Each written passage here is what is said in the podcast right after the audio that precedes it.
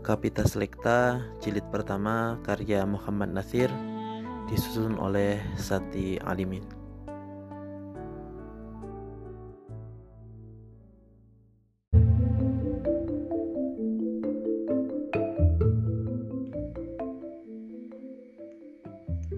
Artikel ketujuh Hai bin Yakzon Desember 1937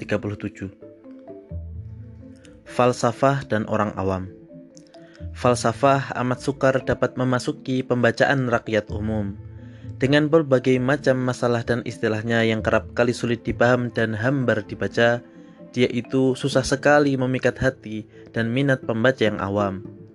Tidak heran kalau seorang filsuf seperti Ibnu Haytham menutup salah satu kitab falsafahnya dengan tegas.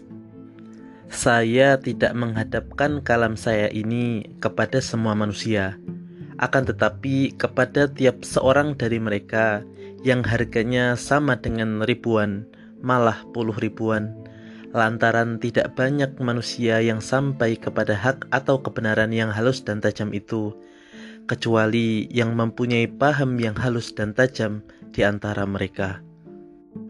Sungguh pun demikian, falsafah itu bukanlah semestinya tetap menjadi milik yang dimonopoli oleh cabang atas saja. Di waktu orang bertanya kepada seorang filsuf Yunani, apakah faedahnya falsafah itu? Dijawabnya dengan penting ringkas, supaya jangan ada satu batu bertengger di atas batu yang lain. Maksudnya ialah, bila mana seorang duduk di atas batu tembok sebagaimana yang galib di zaman itu, bila orang menonton permainan dalam teater, yakni tempat tontonan berbagai macam permainan, si penonton itu jangan sama pula derajatnya dengan batu yang ia duduki. Kalau si awam tidak sampai kepada falsafah, maka utang bagi filsuf mencari ikhtiar supaya falsafah dapat memasuki alam pikiran mereka menurut kadar dan cara yang sepadan dengan tingkatan akal mereka agar mereka dapat pula mengecap kelezatan hikmah-hikmah itu. Maka Ibnu Tufail yang mendapat kehormatan sebagai filsuf muslim yang mula menunjukkan langkah-langkahnya ke jurusan ini dengan hasil yang baik. Ibnu Tufail, salah satu bintang falsafah Andalusia dalam abad ke-12 itu, rupanya tahu benar di mana letaknya rahasia kegemaran pembaca umum. Dia mengerti bahwa dalam perpustakaan rakyat umum adalah satu rukun yang tidak boleh tidak harus ada, yakni yang dinamakan orang avonturlik element atau kisah-kisah pengalaman yang luar dari biasa yang dapat mengobarkan perasaan sensasional.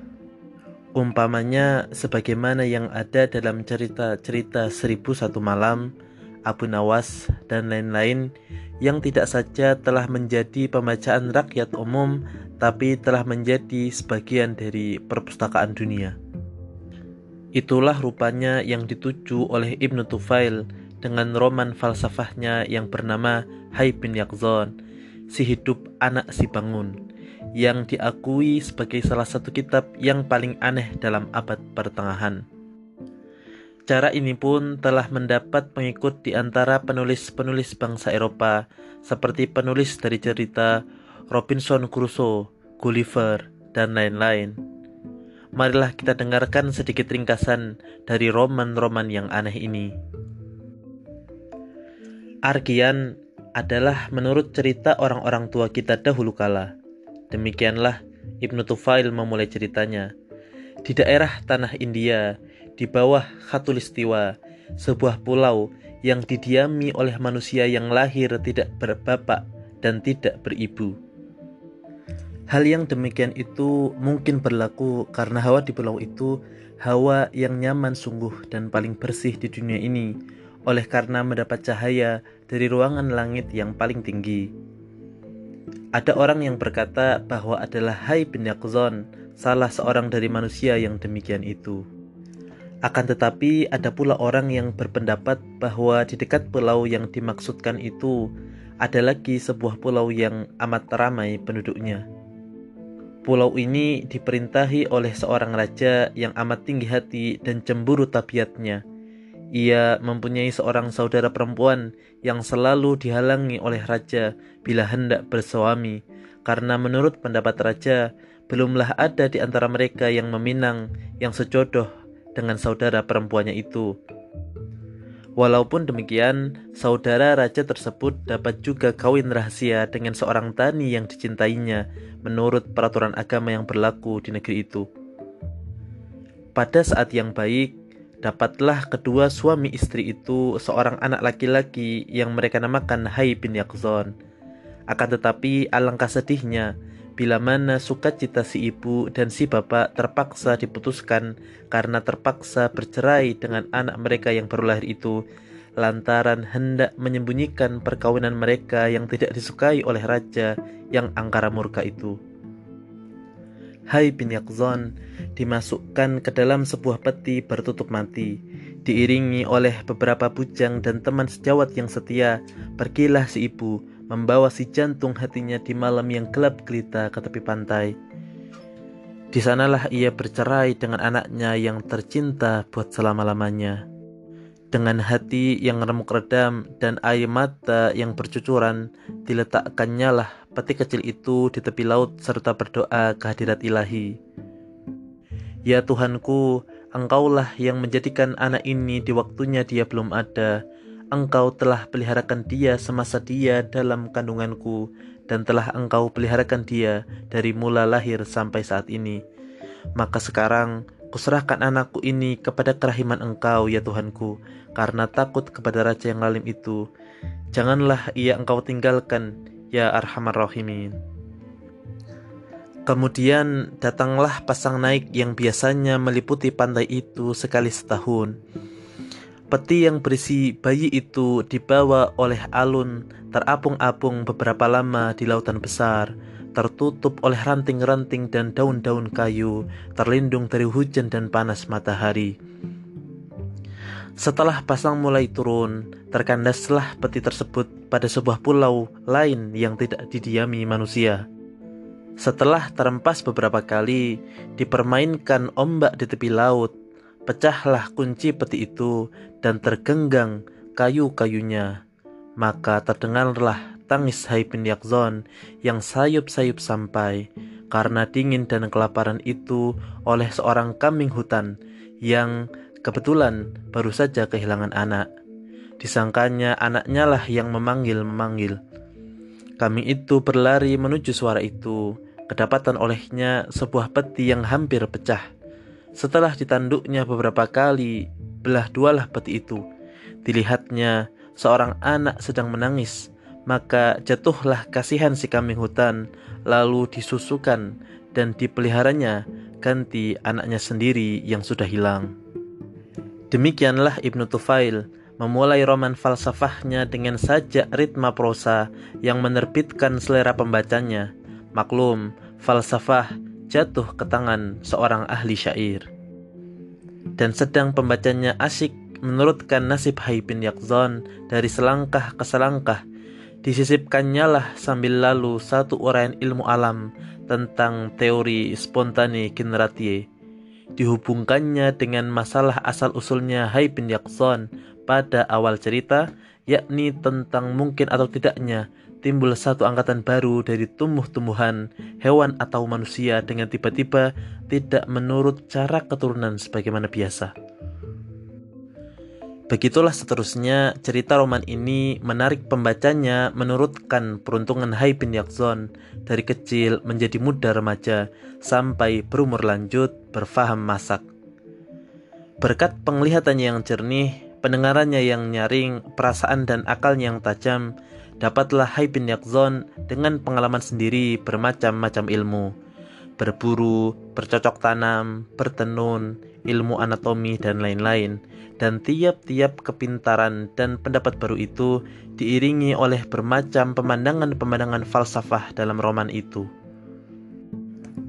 Amatlah duka hati Hai bin Yakzon apabila kambing yang menyusukannya di waktu kecil itu jatuh sakit Dicobanya memeriksa apakah gerangan yang menyebabkan sakit itu dan setelah kambing hutan itu mati, diperiksanya lah kalau-kalau penyakit yang menyebabkan maut itu dapat dilihat dalam dada binatang tersebut. Dibelahnya dada kambing itu dengan batu yang sudah diasahnya sampai tajam. Diselidikinya bangun dan susunan jantung, pelajaran anatomi. Timbullah perasaannya bahwa adalah sesuatu yang telah meninggalkan badan binatang itu, yaitu sesuatu yang tidak bersifat madah, tetapi bersifat lebih halus dari itu, yakni ruhani, yang apabila berhubung dengan badan jasmani menjadikan satu hewan yang hidup. Ibnu Tufail membagi romannya atas beberapa bagian menurut tingkat ilmu pengetahuan yang didapat Hai bin Yakzon dengan berangsur-angsur. Fasal yang pertama menerangkan betapa ia sampai tahu bahwa tiap-tiap yang bahara itu tidak boleh tidak berkehendak kepada yang membaharukan atau mengadakan. Bahwa tiap-tiap bangun atau rupa yang ada pada suatu barang pada hakikatnya tidak lain melainkan suatu persediaan yang ada pada barang itu. Seumpama air yang tadinya mengambil bangun bejana yang ditempatinya, jadi berubah bangunnya menjadi uap yang dapat bergerak bila mana dipanaskan. Demikianlah tiap-tiap barang itu dapat berubah-ubah. Maka keadaan cocoknya suatu barang dengan suatu macam perubahan atau pergerakan itu adalah tertentu pula dan tidak dengan perubahan yang lain dari itu. Yang demikian adalah disebabkan oleh persediaan istidat yang telah diberikan kepada masing-masing barang itu. Dari sini ia mendapat kenyataan bahwa perubahan atau pergerakan ataupun bentuk-bentuk dari salah satu barang pada hakikatnya bukanlah kepunyaan barang itu sendiri, melainkan kepunyaan suatu fa'il yang menjadikan barang itu berubah atau berbuat menurut persediaan yang telah diberikan kepada masing-masing barang itu. Di sini sampailah Hai bin Yakzon kepada makna. Maka kamu tidak membunuh mereka Tapi Allah lah yang membunuh mereka Dan tidaklah engkau yang memanah Akan tetapi Allah lah yang memanah. Quran Surat Al-Anfal ayat 17 Wajibul Wujud. Dengan tiada berhentinya Hai bin Yakzon memperhatikan dan menyelidiki alam sekelilingnya, alam madah, alam tumbuh-tumbuhan dan alam hewan. Ditunjukkannya perhatiannya kepada langit yang bertaburan dengan bintang yang tak terbilang, kepada matahari dan bulan yang beredar menurutkan undang-undang yang tertentu. Ditujukannya pemandangannya kepada badannya sendiri yang penuh berisi keindahan dan rahasia-rahasia yang menakjubkan.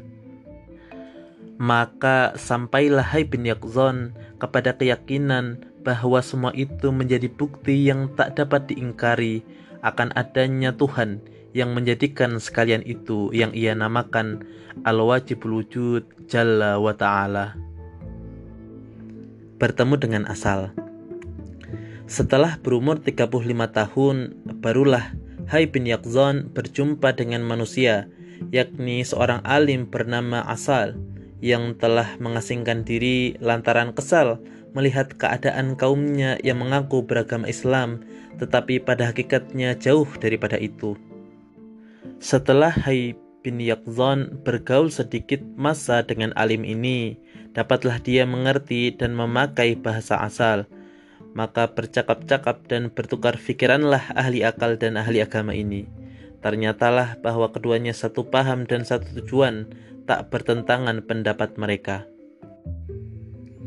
Sungguh pun asal tidak yakin akan hasil pekerjaan yang dirancangkan Hai bin Yakzon lantaran mengingat pengalamannya sendiri di masa yang sudah-sudah tapi diterimanya jugalah anjuran sahabatnya itu dan pergilah mereka berdua ke negeri asal. Didorong oleh cita-cita yang tinggi, mulailah Hai bin Yakzon bekerja memimpin manusia ke jalan yang hak. Akan tetapi alangkah kecewanya setelah dia melihat manusia tidak hendak mendengar seruannya sedikit jua pun. Harta benda yang mereka kejar telah menutup hati mereka sebagai karat menutup besi. Di sinilah ahli akal ini menjadi takjub mengingat akan pekerjaan Muhammad Sallallahu Alaihi Wasallam yang datang menyampaikan firman Allah Subhanahu Wa Taala kepada manusia dan dapat diterima oleh segenap lapisan umat. Setelah keduanya putus asa, maka meminta dirilah keduanya kepada raja, hendak kembali ke pulaunya, mengasingkan diri kembali dari masyarakat hidup untuk beribadat kepada Allah. Alangkah halusnya tamsil yang dipakai oleh Ibnu Tufail menggambarkan kepada pembaca bahwa kepercayaan kepada Tuhan itu ialah suatu bagian dari fitrah manusia yang tak dapat dimungkiri dan bahwa akal yang sehat tidak dapat tidak tentu akan sampai kepada pengakuan adanya dan akan tunduk kepada wajibul wujud Jalla wa ta'ala itu. Cukup dengan memperhatikan alam sekelilingnya saja. Tidakkah mau mereka melihat kepada unta? Bagaimana unta itu dijadikan, dan kepada langit, bagaimana ia ditinggikan, dan kepada gunung, bagaimana gunung itu didirikan, dan kepada bumi, bagaimana ia dihamparkan. Maka beringatlah manusia hai Muhammad, engkau adalah seorang pemberi ingat. Quran Surat Al-Qasiyah ayat 17 hingga ayat 21 Sesungguhnya pada kejadian langit dan bumi dan peredaran malam dan siang itu terdapat beberapa tanda-tanda bagi orang-orang yang berakal.